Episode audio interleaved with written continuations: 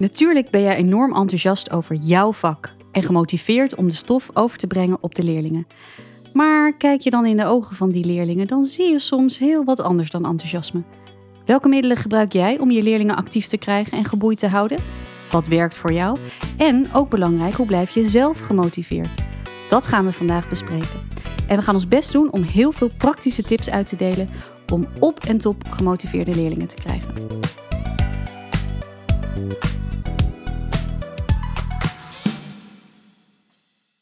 Elisabeth, Maurice, Rickert, we zitten bij aflevering 7. Hoe is het met de motivatie aan tafel hier vanavond? Voor de podcast of voor het onderwijs? Hey, allebei. Bomvol motivatie. Heel goed zit het. Ja, eh, heel goed. Ik kan hem ook meteen onderbouwen. Of wil je alleen maar het woord goed horen? Nee, Dat is niet goed genoeg, zeggen we altijd in het onderwijs. Ja. Ehm, nou ja, ik, ik heb mij ooit eh, voorgenomen ehm, ehm, proberen eh, de strijd aan te gaan met het lerarentekort. Eh, dus dan, eh, dat motiveert mij meteen ook wel om via een podcast ook starters te ondersteunen. Dus in die zin, ik ben zeer gemotiveerd. Ben je nou in elk geval gemotiveerd om alle afleveringen van Mijn Eerste Jaar voor de Klas te luisteren? Maak het jezelf dan makkelijk en volg ons in jouw podcast-app.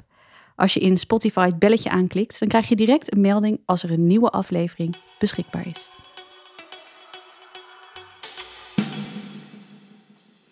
We gaan altijd traditioneel gezien beginnen met een terugblik. Eh, Elisabeth, hoe was jouw maand?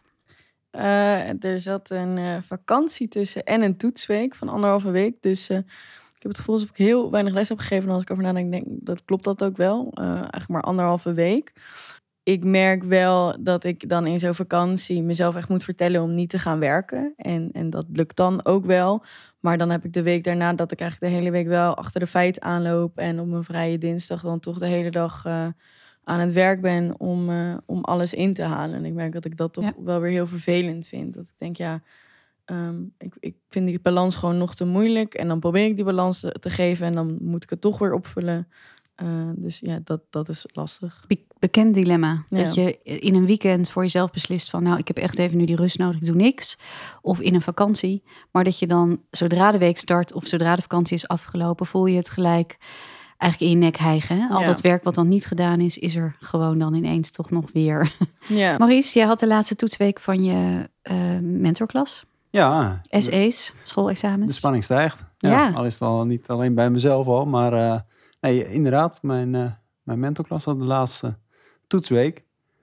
Ja, was, was iedereen op tijd? Dat is maar even de startvraag. Als ik denk aan een paar afleveringen geleden. Ja, ja, ja. Eigenlijk eh, Oh, mooi. was iedereen eh, op tijd en echt al ready. En ehm, ja, ik vond het vooral heel tof om te zien nou ja, dat ze bij Nederlands, uiteraard eh, mijn vak, maar dat ze dan eh, een artikel moesten gaan schrijven.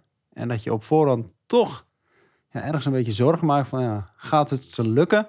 En dan zie je ze gewoon een uur lang echt volle bak dat, nou, bezig zijn op het Zwoegen. toetsenbord, zeg maar, zwoegen.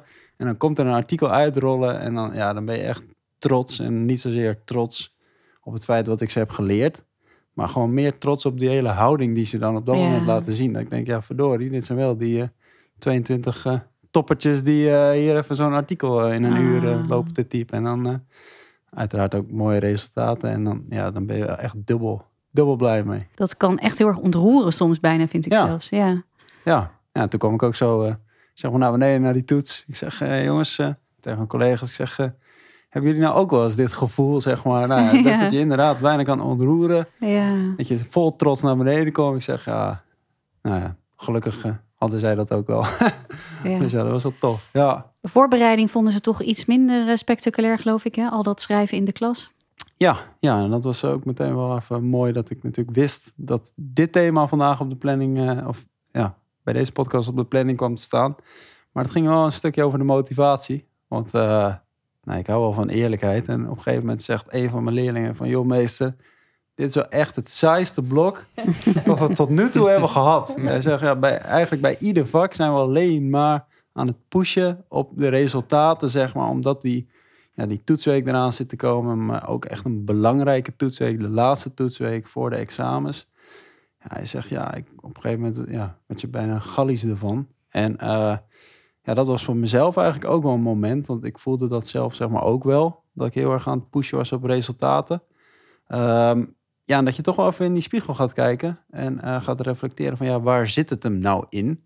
Ehm, ja, en ik denk dat, eh, dat ik daar straks wel op ga Ja, terugblikken. ik wou net Ja. zeggen, daar gaan we het straks we nog uitgebreid over Ja. hebben.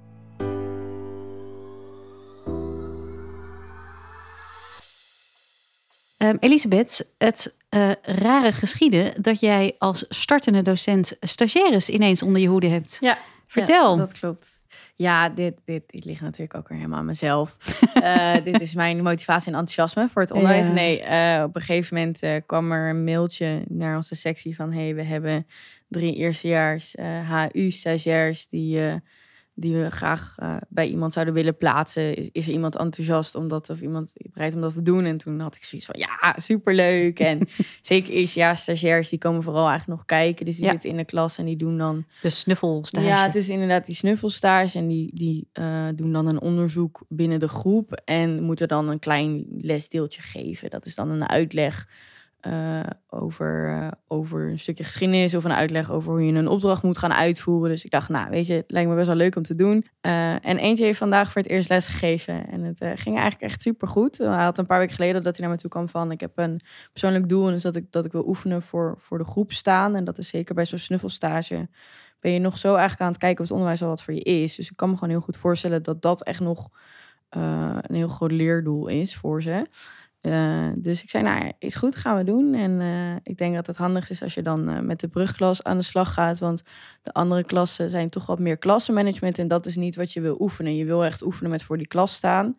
Ehm, nou, dat vond hij wel heel fijn dat ik zo meedacht. En hij zei op een gegeven moment ook van ja, ik merk gewoon dat het eigenlijk in mijn voordeel is dat jij net van de universiteit afkomt. Want jij kan je gewoon nog heel goed verplaatsen in hoe ik me voel en wat voor mij goed Ja. zou kunnen zijn. En eh, dus voordat hij eigenlijk al les had gegeven, was hij al heel enthousiast over me. En dat was wel Mm. echt super fijn om te horen. En het ging eigenlijk heel goed vandaag. En er zijn natuurlijk altijd dingen eh, waarvan ik zelf gelijk zag, oh ja, dit deed ik echt eh, eh, een jaar, anderhalf jaar geleden ook. En daar, daarin ben ik nu echt wel veranderd. Kun je een voorbeeld geven? Want dat is natuurlijk heel grappig. Dat je iets ziet waarbij je denkt, hé, hey, dat doe ik nu anders. Ja wat, ja, wat hij op een gegeven moment best wel vaak vroeg was, zijn er nog vragen? En, en liet het daar een beetje bij. Mhm. Eh, en ik heb echt wel gemerkt dat op het moment dat je gerichter vraagt aan leerlingen, eh, bijvoorbeeld als je een opdracht hebt uitgelegd, dan kan je natuurlijk altijd vragen: zijn er vragen over deze opdracht? Is het duidelijk?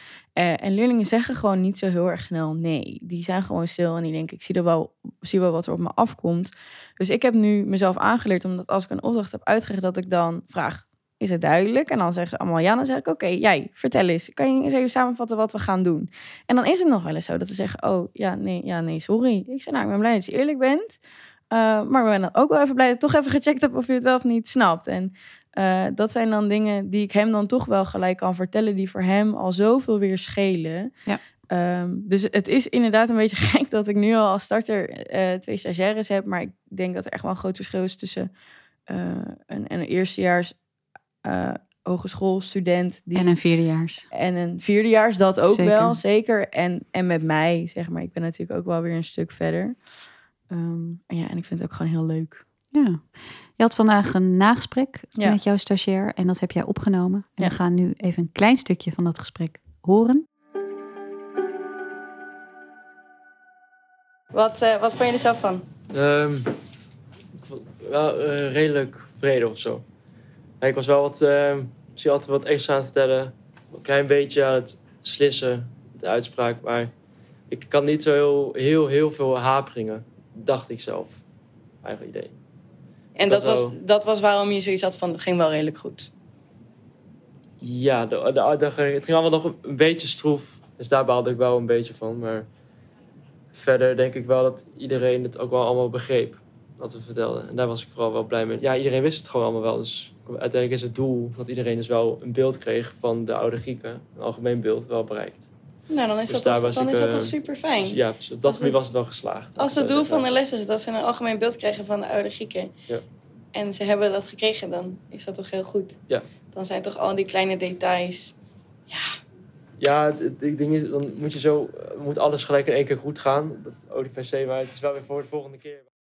Mag ik trouwens ook wat vragen? Ja, Ja. tuurlijk. Ja, ik, ik eh, ben wel benieuwd eigenlijk wat je er zelf van leert. Of, of leerde überhaupt iets van? Ehm, ik, ik denk dat ik er nog wat van ga leren. Ik denk dat bij deze les ik nog zoveel had meegedacht over hoe de les in elkaar stak.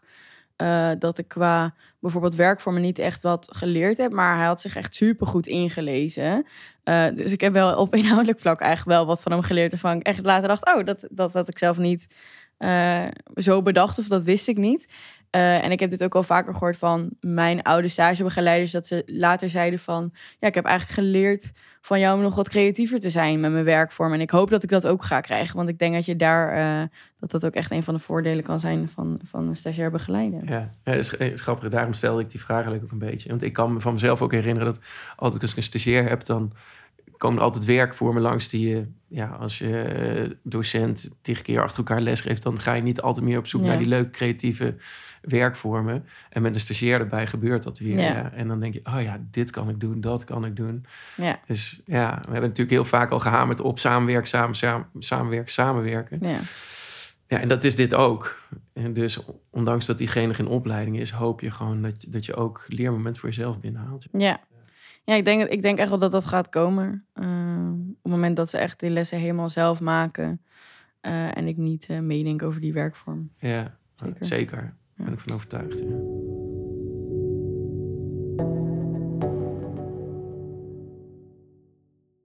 Dan gaan we naar het maandthema van deze aflevering. Hoe motiveer je je leerlingen? En het lijkt zo'n simpele vraag.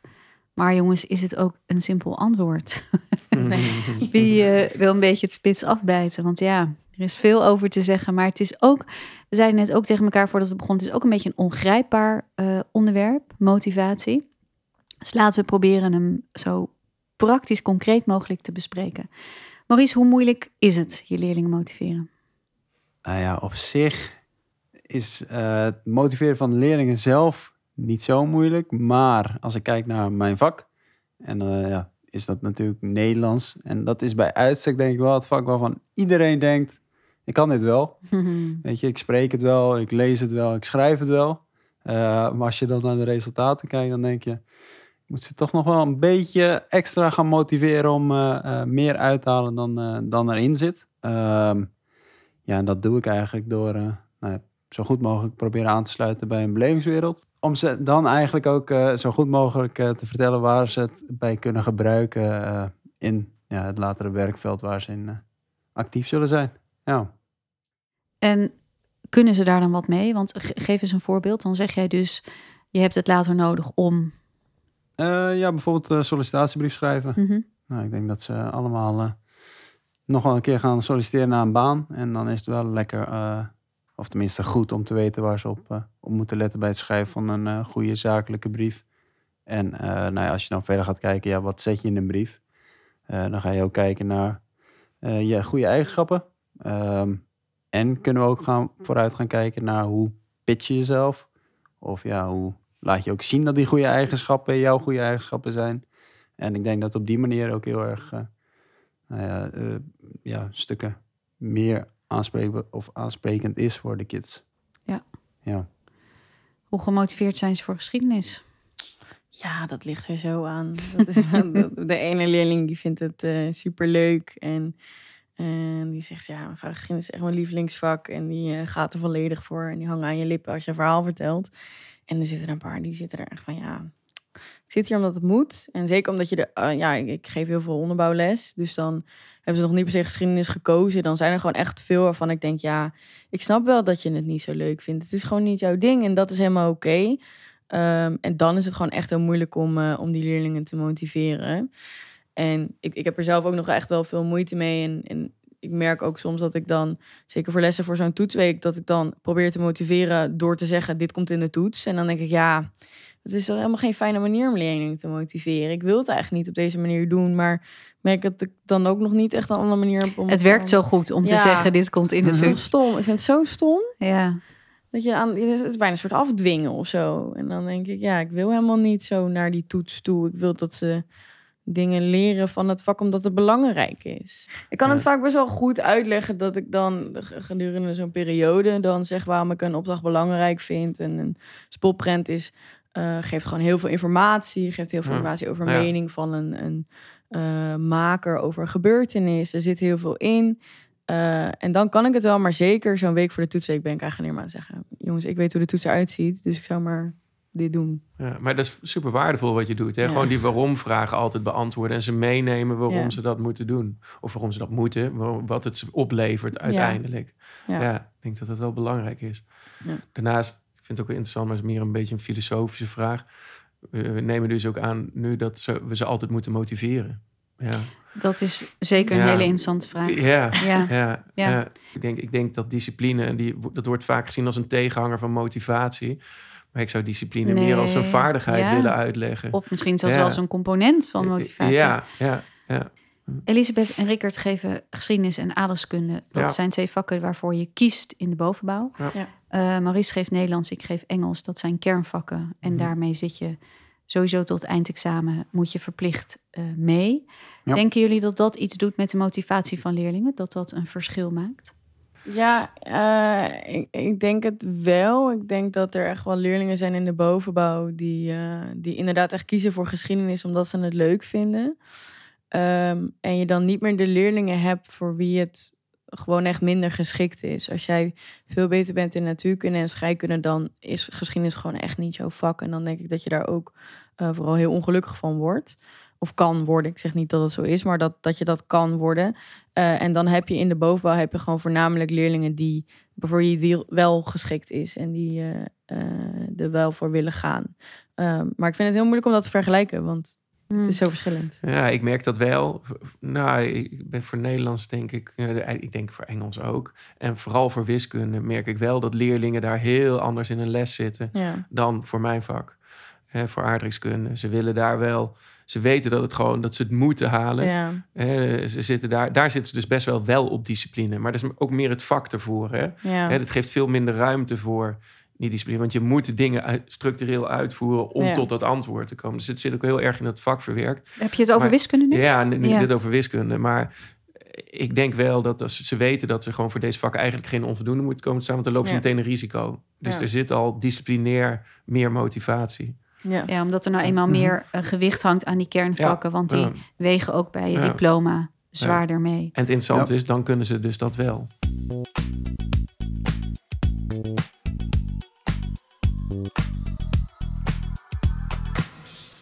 Eh, zit er verschil in jullie klassen qua motivatie? Als je bijvoorbeeld even zo nadenkt van je zou per klas een cijfer geven voor hoe gemotiveerd je leerlingen zijn, kom je dan op grote verschillen? Of zeg je het is over de gehele linie een 7 of een. Nee, ik zie wel grote verschillen. Ik zie wel dat mijn brugklas eh, echt super gemotiveerd is. eh, het echt heel leuk vindt en er, er volledig voor gaat. Die geef ik echt een dikke tien. Eh, ik merk heel vaak eh, dat, ik, dat ik in het begin dat ze dan aan het praten waren. En dat ik dan eigenlijk wilde zeggen van... nou, waarom zijn jullie nou zoveel aan het kletsen? En dat ik echt ging luisteren en dat het allemaal over geschiedenis ging. en dat ik zo blij was. Laatst kregen er twee ruzie in mijn klas over een antwoord. Ik vond het zo schattig. En het gaat alleen maar de hele zo... oh, ik vind jullie zo lief. En bij mijn derde klas vind ik ook heel lief. Maar die zijn gewoon echt minder gemotiveerd. En die zijn echt met andere dingen bezig. En dat is ook oké. Het hoort ook bij de leeftijd. Dus eh, nee, daar zit wel een verschil in motivatie. Ja, als ik kijk naar mijn klasse, dan... ja, dat zijn derde, vierdejaars. Ja, ik denk dat die met eh, honderd andere dingen bezig zijn, behalve met Nederlands. Mhm. Eh, gelukkig gebruiken ze de Nederlandse taal er wel bij. Ehm, maar ja, ik denk dat ze allemaal, qua, als je het gaat bekijken op klasniveau, allemaal hetzelfde soort motivatie hebben. En dan is het inderdaad echt, ja, per individu is er echt wel een eh, groot verschil eh, te merken. Ja. Ja. Oké, en kunnen we daar wat dieper op in? Hoe komt het dat de ene meer gemotiveerd is dan de ander? Is dat, zijn daar verschillende redenen voor? Of Ja, ik vind dat eh, een lastige. Ehm, ja, ik denk dat ook gewoon echt, een, ja, dit klinkt weer stom, maar een beetje de waan van de dag. Eh, Mhm. de ene keer komen ze enorm gemotiveerd binnen. En eh, ja, dan kan het zijn omdat het gaat om het vak Nederlands, maar het kan ook zijn omdat ze eh, gewoon de, de sfeer in de klas eh, tijdens het uren prettig vinden, zeg maar. Dat ze op die manier eh, gewoon lekker bezig zijn met elkaar en met, eh, met het vak. Ehm, ja, kijk, en eh, het andere moment eh, ja, moet je er gewoon weer aan gaan, eh, gaan trekken. Ja, dan is die motivatie, die is er niet. Of minder, laat ik het zo zeggen, ja. Ja, dus sfeer, eh, Ja. dat is dan die relatie weer, hè, waar je Ja. het zo vaak over de Ja. relatie met de leerling, de sfeer, de veiligheid. Dat kan een onderdeel zijn van motivatie. Ja. Misschien is het een voorwaarde, denken jullie? Relatie. Ja. Ja, denk ik wel. Ja. Ehm, ja, je hebt altijd het mooie rijtje natuurlijk relatie, autonomie eh, en competentie. En ik denk dat dat wel drie punten zijn die heel erg inhaken op, op, nou op motivatie, zoals ik zeg, natuurlijk. Dus voelt een leerling zich competent bij jou in het vak, ja, dan is hij een stuk gemotiveerder waarschijnlijk. Krijgt hij een bepaalde maat van autonomie, dus kan die keuzes maken, misschien voor je vak, hè, inhoudelijk. eh, of hoe snel die werkt. Ja, dat werkt ook heel erg mee. Nou ja, in de relatie, dat zit hem heel erg, denk ik, vaak in vertrouwen in een docent hebben. Of, maar kan ook misschien op humor zitten. Hè? Ga je Ja. met plezier naar, naar die les toe. Zeker. Ja, dan ben je misschien ook wel gemotiveerder, of vaak gemotiveerder, om daar een goed resultaat neer te leggen, denk ik. Ja. Ja, Ja. Het zit hem ook wel een beetje gewoon in de, de werkvormen. Ja, Eh, dat ze ja. ook enorm kan motiveren. Maar ja, wat je zei, betekenisvol. Ja, als je Ja. het betekenisvol weet te maken, dan eh, ja, gaan ze ook nog net een, eh, een stapje harder eh, eh, lopen. Ehm, ja, ik denk dat het, dat ook eh, een hele belangrijke is.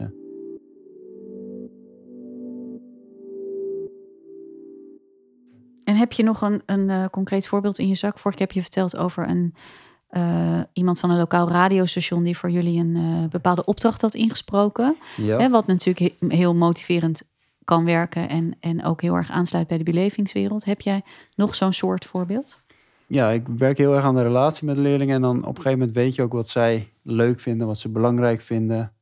Nou, ze zijn natuurlijk heel veel bezig met eh, social media, telefoongebruik, in de klas, buiten de klas.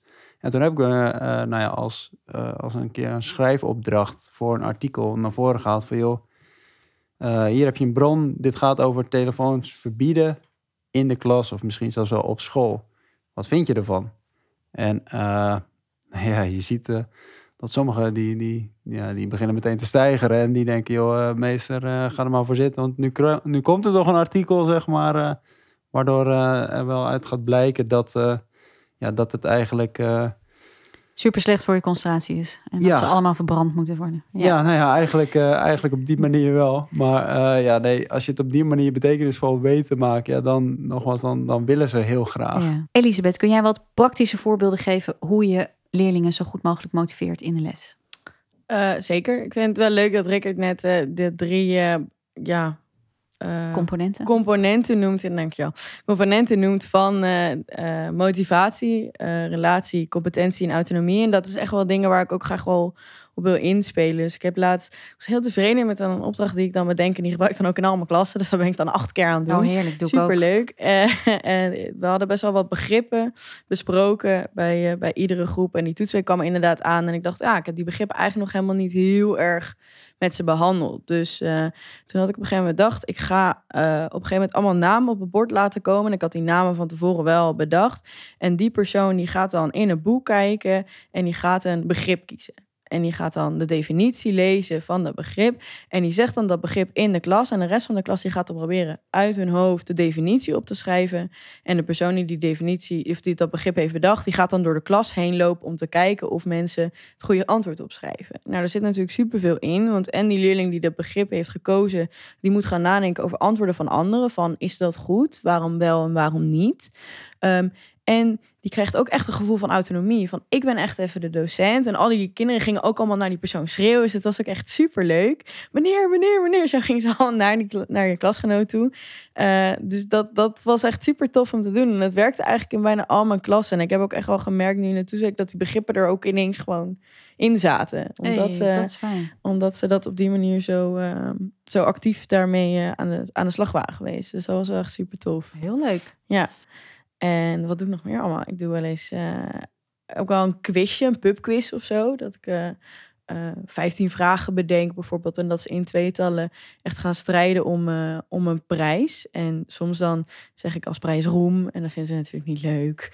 Dus ik heb ook wel eens gedaan dat ik dan wat chocolaatjes uit een automaat had gehaald of zo. En dat ze dan eh, een chocolaatje kregen op het moment dat ze de meeste vragen goed hadden. Eh, dus dan verbind je er echt een, een prijs aan. Ik vind dat niet de meest ideale manier, maar het is voor de afwisseling soms wel echt wel leuk om te doen.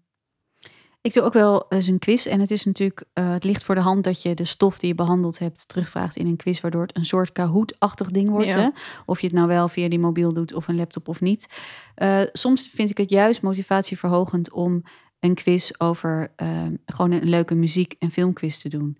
En dan komen er lekker eh, fragmenten van liedjes voorbij en dan kunnen ze lekker meezingen. Kijk, ik geef Engels, dus ik kan het altijd wegmoffelen onder het Ja. mond van nou, we hebben iets aan lyrics en dus iets aan Engels gedaan. Maar zelfs als ik, denk ik, niet Engels zou geven, maar een ander vak, zou ik dat nog steeds doen. Want ik geloof ook in dat iets motivatieverhogend is. eh, als je dus gewoon af en toe lekker gek, leuke dingen doet. En gewoon plezier met elkaar. Ja. En dat het niet per se over je vak gaat. Ja, ja, dat ze weten dat die afwisseling er is. Ja, ehm, en, en dat die ruimte er ook mag zijn. Ja, ik denk dat dat een hele, een hele goede is. Ja, wat Ja. volgens mij ook gewoon relatiebouw is. In die eh, Ja. zeker, Ja, uiteindelijk. ja, Ja. ja. Ja. En dat dat, dat dat jachtige gevoel eraf is. Hè? Ja. Dat je altijd maar door moet met een docent die alleen maar roept dat hij geen tijd heeft en in tijdnood komt. Ik denk niet dat dat in de regel motivatieverhogend is. Ja. Hè? Als een docent iedere keer zegt: kom op, kom op, kom op. We moeten door. We moeten door, we moeten door. Eh, Nou ja, ja, ik vind dat, want je zegt nog iets volgens mij ook, dat je, de lat wil je eigenlijk altijd hoog leggen, maar soms is het ook wel eens heel lekker voor sommige leerlingen om dat niet te doen. Er zijn natuurlijk heel veel leerlingen die eigenlijk alleen maar naar adem snakken, ja, een heel, heel jaar lang, omdat, weet ik veel welk niveau er wordt geëist eh, van hunzelf of van thuis of van het school. Ja. En dat ze dat moeten halen. En hoe relaxed is het voor zulke leerlingen als ze dat gevoel een keer hebben dat dat niet hoeft. precies. Ja.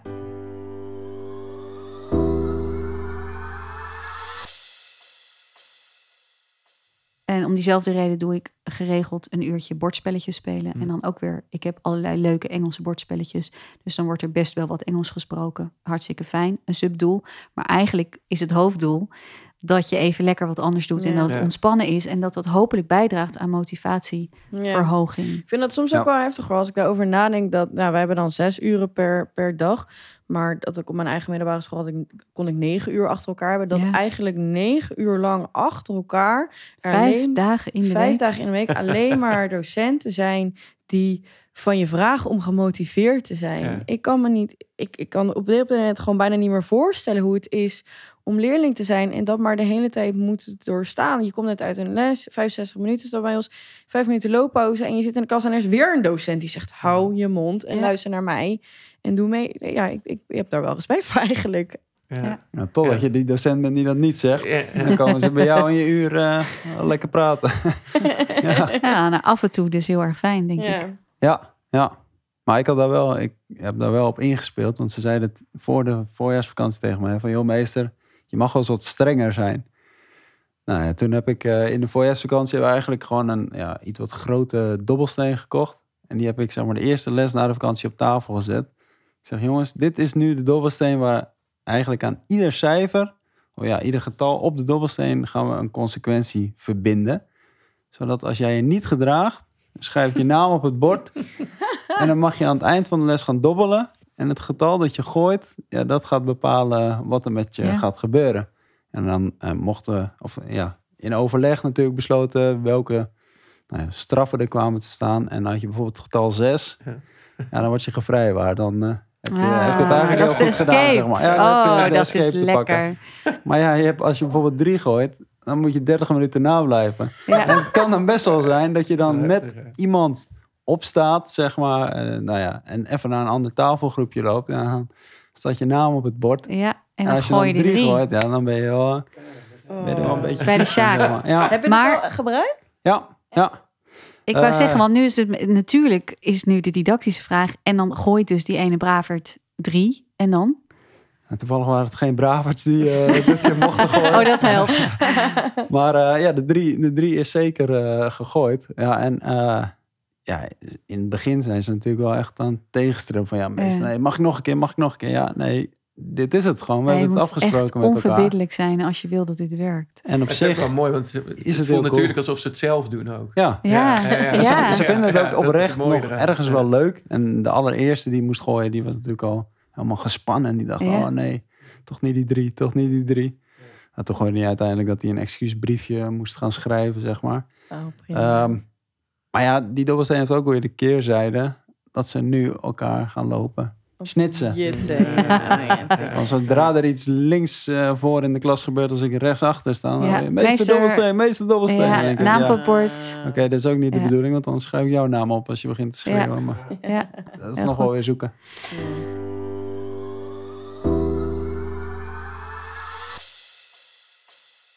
Nou, leuke, leuke manier om eh, dat zo te doen, Maurice. Ja. Zullen we oproepen dat we gewoon als tip geven dat iedereen in ieder geval een dobbelsteen in zijn klaslokaal heeft? Want eh, ik gebruik hem ook vaak voor als er in groepjes iets voorbereid wordt en ik wil dat één iemand per groepje voor het bord eventjes iets komt doen.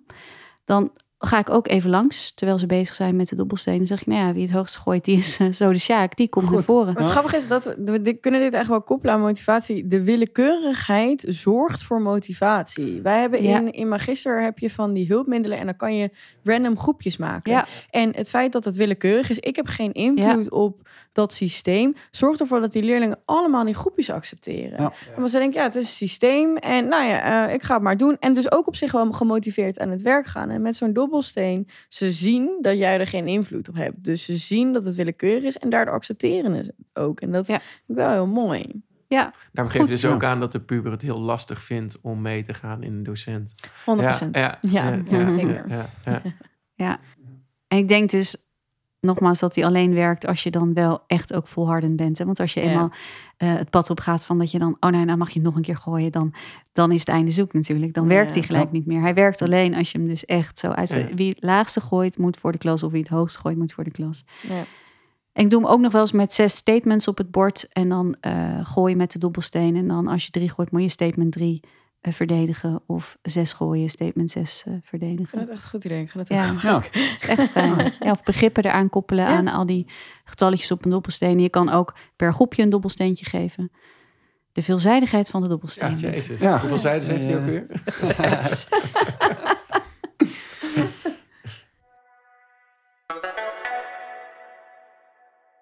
Nou, kunnen we. Ehm, nee, ik wil dit vragen. Wat is echt cruciaal als we over motivatie spreken? En, en wat is juist misschien nog wel interessanter? Wat is funest als het op motivatie aankomt? Dus eigenlijk ook een beetje, wat moeten we echt niet doen? Mm, Ik denk dat ik de, over Funest nog niet zoveel kan zeggen. Ik denk dat ik over cruciaal misschien zou kunnen zeggen dat, dat bij leerlingen echt wel van belang is dat ze het gevoel hebben dat ze een keuze hebben. Dus dat ze mogen kiezen en dat ze invloed hebben op hun eigen leerproces. Ik denk dat dat echt heel erg helpt in leerlingen motiveren. Je geeft twee opties. We gaan of dit doen of we gaan nu dit doen.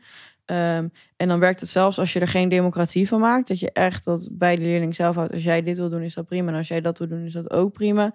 Maar dat is echt het gevoel van eh, weer die autonomie. Ik bepaal hoe ik leer. Ehm, en dat zijn dan nog steeds twee goede opties waar ze allebei wat van leren. Ehm, maar wel, ja, dat, dat- die extra keuze, die, eh, die vind ik wel cruciaal eigenlijk. Ja, ik vind, ben, vind, ben heel blij dat je dit zegt. En ik ben zelf natuurlijk heel veel bezig ook met eigenaarschap. En Ja. dit is eigenlijk wat je bedoelt, dus keuzes. Hè, dat onder andere keuzes maken. Ja. Volgens mij werkt dat heel goed. Nou, volgens mij hebben we net ook al betekenisvol gehoord. Een relatie bouwen, vertrouwen. Ehm, ja, je vroeg ook wat niet. Hè? Mhm. Ik, ik denk, wat ik altijd wel merk, als je leerlingen niet voor vol aanziet. Ik denk dat dat heel erg eh, demotiveert. Dus, en dat zit hem dan in eh, hoe respectvol je ook met ze omgaat. Leerlingen voelen het best wel snel iets aan dat het niet respectvol is wat je tegen ze zegt of hoe je tegen ze optreedt. En dan, ja, dan heb je ze echt. eh, Of als het heel oneerlijk is. ja, als het heel oneerlijk is. Hè, en daar zitten wel heel veel gradaties in. Hè. Sommige leerlingen hebben, dat, hebben daar andere voelsprieten voor dan anderen, zullen we maar zeggen. Maar je moet, je moet het gewoon serieus nemen. Ja. Dat is denk ik heel belangrijk. En wanneer je dat niet doet, dan voelen ze dat aan. En dan, ja, dan kun je het bijna wel vergeten als docent. Ja. Ja, wat mij ook nog opvalt, en dan kijk ik natuurlijk ook naar de ervaren docent hier aan tafel, maar ja, je eigen positieve uitstraling. Dat als jij zelf laat zien dat je er ook heel veel zin in hebt, zeg maar, dan, Goed eh, punt. dan neem je ze ook wel eh, makkelijker mee. En de keerzijde is inderdaad, als je dan zagrijnig bent, dan eh, gaan ze het ook niet doen. Ja. Ja. Ja. Ik ook wel docenten op mijn oude middelbare school die dan eh, er nog wel eens niet tegen mij, ik hoorde het dan van vriendinnen, dat die er een handje van hadden om dan te zeggen, ja, ik denk dat jij het niet kan. Dat vind ik zo funest. Wa- waarom Ja. zou je tegen een leerling zeggen, ik denk dat jij het niet kan? Hoe kunnen we dan ooit nog van leerlingen vragen Ja. dat ze echt gemotiveerd zijn? Ik zie dat jij het erg moeilijk vindt, of best moeilijk vindt, Ja. is een, al een, eh, een, een betere vind ik al benadering. heel wat anders, maar ik denk dat jij het niet kan. Dan denk ik, ja, waar ben je dan eigenlijk mee bezig? Ja, en dit sluit zich aan op competentie. Ja, Dus weten, hè, dat zit hem heel erg in feedback geven. ja. Hoe geef je feedback? Hoe communiceer je met ze? En dat hangt dus ook weer samen met positiviteit. Dus als je eh, een positief feedback geeft, hè, en dat moet volgens mij wel in een bepaalde mate niet te overdreven worden, Mhm. en dat, ze- dat het nog betrouwbaar en geloofwaardig is, ja. ja, dan zet je leerlingen wel een kracht. Ja.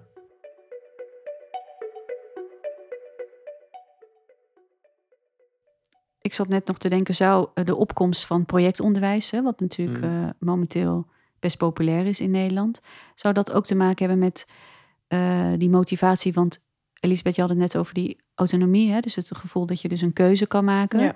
Ik denk dat je in projectmatig onderwijs dat verhoogt. Het gevoel dat je dus keuzes kunt maken en dat je autonomie hebt.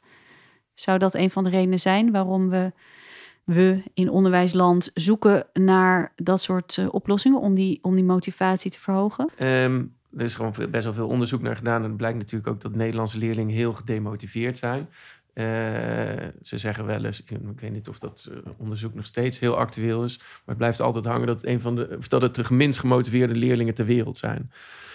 Nou, dat is nogal een heftige uitspraak. Stel je voor dat het in ieder geval bij de minder gemotiveerden hoort, en daar geloof ik best in. Ja, dan moet je ze wel dan ga je op zoek naar wat, wat er wel werkt. Nou en dan zijn er onderzoeken waaruit blijkt dat eh, veel eigenaarschap geven, waaronder keuzes vallen, eh, dat dat heel erg kan helpen. Dus dan, ja, dan, ik denk dat daar ook wel projectonderwijs deels vandaan komt.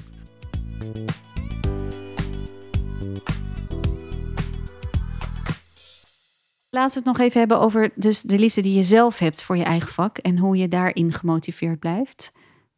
Ah, ja, ik, ik merk wel dat ik eh, op het moment dat ik eh, een, een toffe werkvorm heb bedacht, of weet dat ik dat ga doen in een les, dat ik ook heel veel zin heb om die les te gaan geven. Omdat ik denk, oh, dit wordt echt tof, ze gaan hier echt veel van leren. En dan ben ik ook heel vaak heel benieuwd hoe dat dan uitpakt. En ik denk dat dat enthousiasme wat ik dan met me meebreng, dat dat ook wel aanstekelijk kan zijn eh, voor leerlingen. Hmm. Ja, ja helemaal mee eens. Ja. En ik denk ook eh, dat ik het... Ja, ik vind het zelf gewoon heel tof om ook creatief eh, gewoon lekker bezig te zijn en de leerlingen daarmee eh, te verrassen.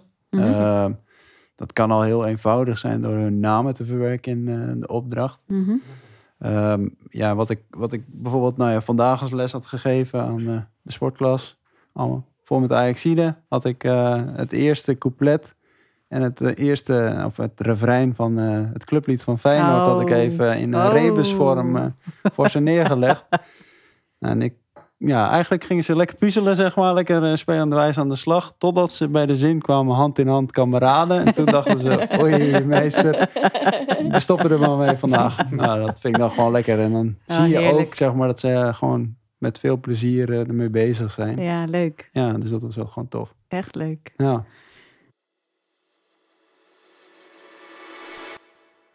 Elisabeth, in hoeverre kun je met afwisseling en verschillende werkvormen meer motivatie kweken bij jouw leerlingen? Ja, ik denk heel erg veel. Ehm, ik ben zeker in les eigenlijk altijd bezig met zoveel mogelijk afwisseling eh, in plannen.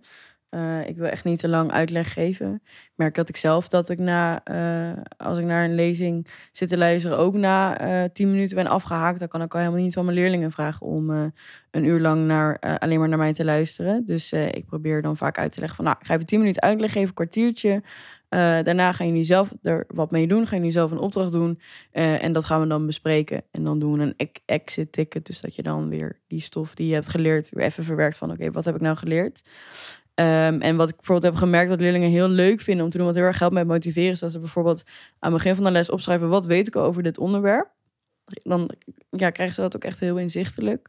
Eh, en dan geef je de les. En aan het eind van de les... dan geef je dezelfde kolom eigenlijk aan ze terug. En dan staat in de rechterkolom... schrijf ze dan op... wat heb je geleerd? Wat weet je nu aan het eind van deze les? Wat is erbij gekomen? Wat is erbij gekomen? En leerlingen vinden het heel erg leuk om te zien wat ze geleerd hebben. Omdat, ja, dat, dat geeft wel in, misschien ook wel dat gevoel van competentie. Van ook, heb echt iets bijgeleerd vandaag.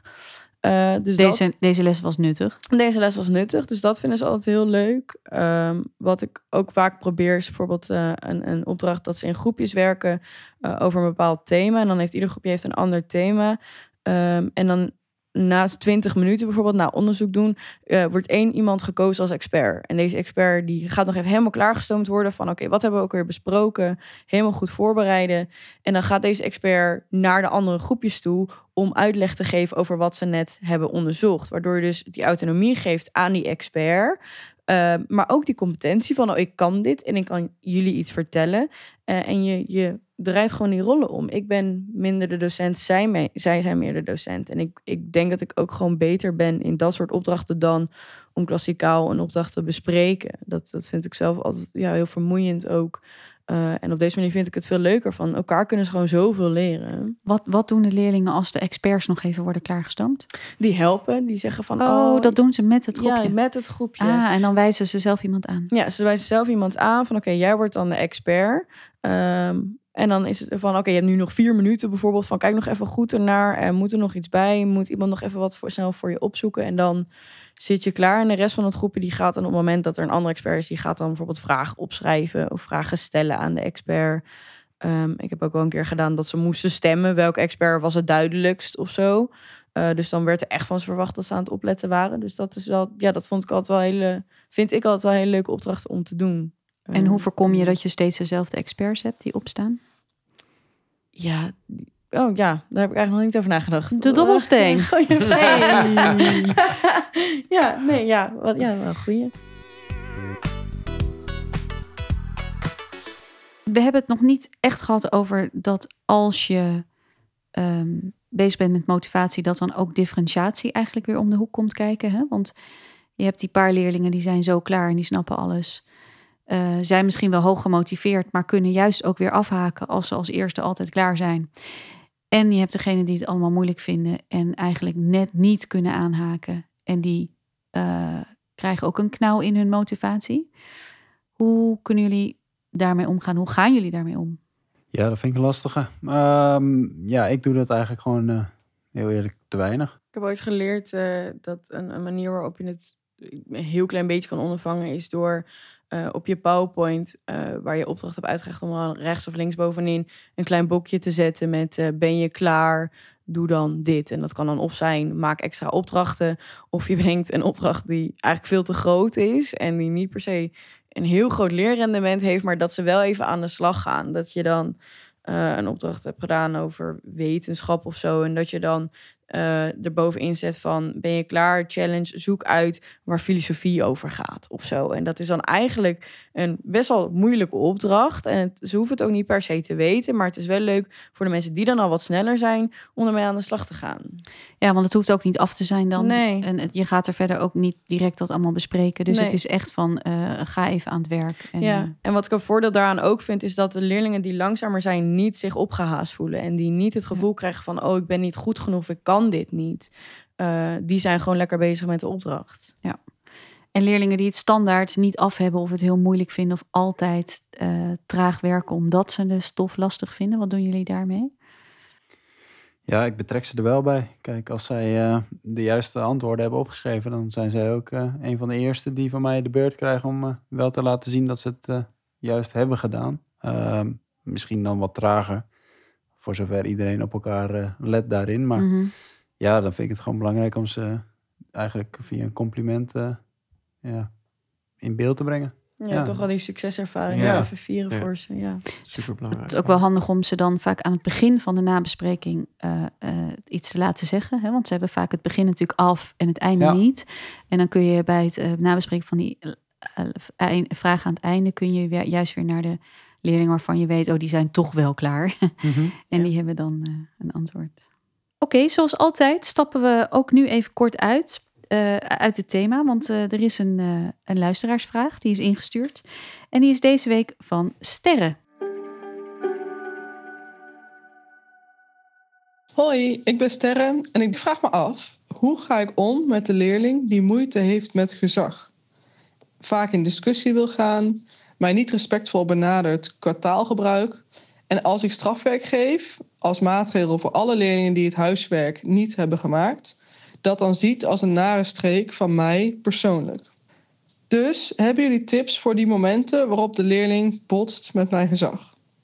Ja, ik vind wel dat er hier een aantal verschillende dingen in worden gevraagd, eerlijk gezegd. Eh, ten eerste, ja, eh, volgens mij eh, respectvol taalgebruik of niet respectvol taalgebruik. Volgens mij is dat een discussie. Mhm. Ja, volgens mij moet je dat gewoon altijd afkeuren. Hè? Eh, ik zou wel altijd uitleggen waarom. Misschien heeft deze leerling dit vanuit huis uit meegekregen dat het heel normaal is. Maar dat, ja, dat heb je redelijk snel door. Maar volgens mij, ja, en, en daarnaast ja, heeft diegene een, een, een gezagsprobleem. Ja, en dat is weer, het zijn twee verschillende discussies, denk ik. Eh, en dat zou ik dan wel gaan onderzoeken met, met, deze, eh, met deze leerling. Ja, ik denk voor dat gezag, ja, daar zou ik wel echt over in gesprek gaan. Waar zit hem dat nou in met, bij, bij deze leerling? Ik denk dat dat ook groter waarschijnlijk is dan alleen jouw les. Als een Ja. leerling moeite heeft met gezag, dan zal dat Zeker. in meerdere Ja. eh, lessen naar voren komen. En dan eh, ben ik vaak geneigd om eh, contact op te nemen met de mentor. Ja, of, of zelfs schoolleider of afdelingsleider of Ja. wie er... eh, En dan wel zelf bij dat gesprek aanwezig zijn. Als er dan een gesprek komt met die leerling. Maar, eh, maar om hulp vragen. Je hoeft er niet alleen voor te staan. Een gezagsprobleem kan ook best gezond zijn. Maar zeker. het is ook maar hoe je dat met elkaar deelt, zeg maar. En hier klinkt alsof iemand dat schelden deelt. Ja, dan is eigenlijk Ja. toch al... Dan komt de boodschap toch niet aan. Nee. Nee, en dat, moet, dat gesprek moet je denk ik hebben. En, en ik denk Ja. toch dat, dat je het gesprek dan ook niet alleen met de leerling moet voeren, maar dat je wat eh, backup moet hebben in de vorm Ja. van een school, Ja. schoolleider. Ja, gewoon aanleren met leerlingen hoe, hoe ze dat gezagsprobleem wel bespreekbaar kan maken.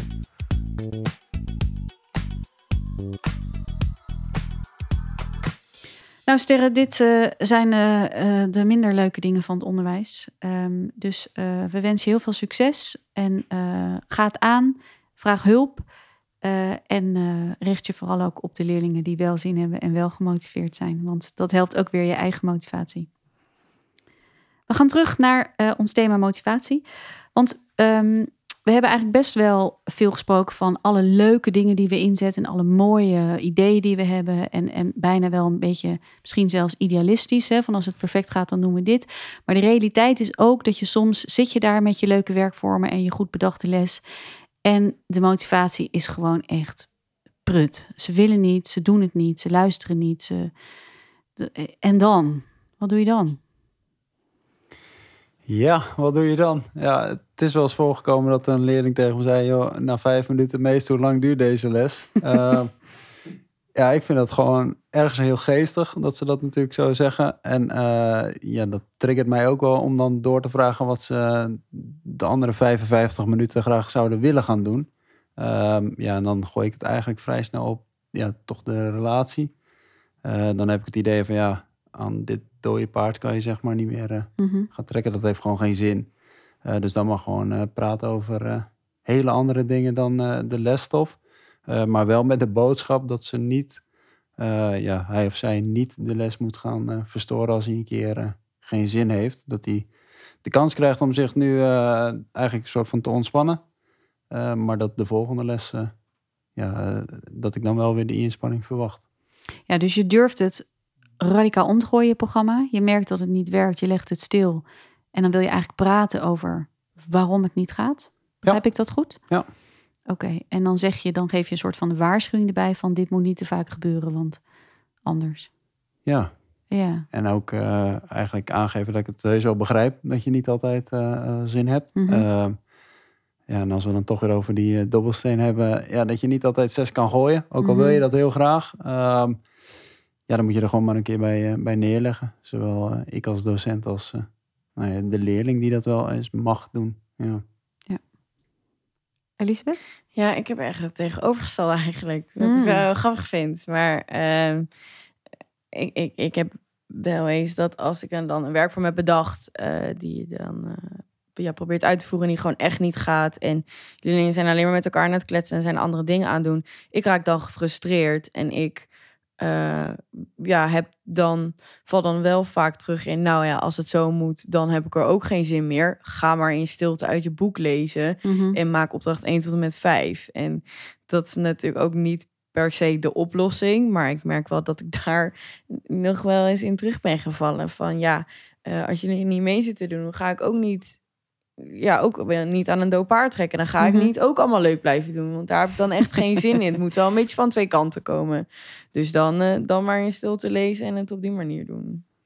Rickert, eigenlijk Zo, twee ja. totaal verschillende aanpakken. Ja, ja, dit is dus het wel echt het ingewikkeld van motivatie. Ik denk Ja. dat ze daar ook wel een beetje mee begonnen.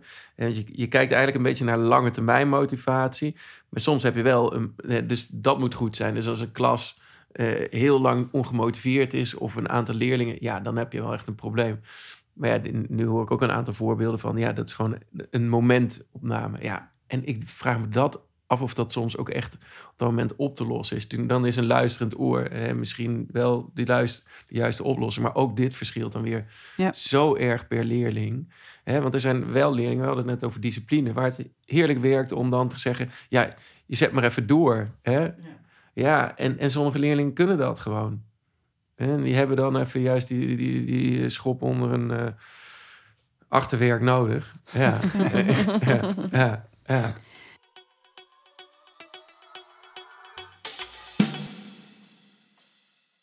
We lopen tegen het einde van de aflevering, maar voordat we afronden kijken we zoals altijd nog eventjes vooruit naar jullie agenda. Eh, staan er nog bijzondere dingen op de agenda of moeilijke dingen, dingen waar je zin in hebt? Eh, nou, een paar, eh, toch een paar dingen die op programma staan. Een ouderavond voor mijn mentorklas, om ze in te lichten over de, de naderende examens. Mhm. Ehm, ik ga met mijn klas naar een escape room. Superleuk. Voor de ontspanning. Ehm, en eh, mijn derde klasse, eh, die hebben stageweek. Dus ik ga een Mhm. paar eh, stagebezoeken plegen. Oh, wat leuk. Ja, Ja. ja zeker. Dat is een toffe week. Elisabeth, wat ga jij doen? Eh, volgende week eh, is de Bovenbouw Musical. Eh, en daar ga ik heen, want ik ben gewoon heel erg benieuwd wat ze nou iedere donderdag, eh, waar ze zo hard aan hebben gewerkt. Eh, dus daar ben ik heel erg benieuwd naar. Ik heb over iets minder dan twee weken mijn, eh, volgens mij mijn laatste beoordelingsgesprek. Dus dat is ook wel weer spannend. Er zijn weer mensen langsgekomen om te kijken hoe, eh, hoe ik lesgeef. Dus eh, dat zit er aan te komen. En over anderhalve maand komen de Catalanen voor de uitwisseling. Die komen naar Ja. Nederland. Dus dit wordt ook wel een maandje dat we Delta echt, echt flink gaan voorbereiden. Dus ook wel business as usual, maar ook wel weer leuke dingen, andere dingen. Genoeg variatie. Ja, precies. Mooi. Dank allemaal voor deze aflevering. Eind april zijn we weer terug. En dan gaan we het hebben over bam, bam, bam, werkdruk. Ja, want ondanks die berg aan vakantiedagen, waar iedereen altijd zo jaloers op is, verlaat toch ruim 20% van het onderwijs in de eerste vijf jaar. En dat is een groot probleem. Zeker met het oplopende lerarentekort. Wat kunnen we daaraan doen? En hoe ervaart ons dappere duo hier aan tafel die werkbelasting? En we gaan op Rickards waardevolle adviezen weer vertrouwen om wat tips te krijgen om die werkdruk in balans te houden. Dus graag tot over een maand bij aflevering 8. Tot dan. Deze podcast is een productie van Next Episode in opdracht van de VO-raad. Audiodesign werd verzorgd door Studio Cloak. De eindredactie was in handen van Robert Doggers. En de presentatie doe ik, Tinka Terschegget.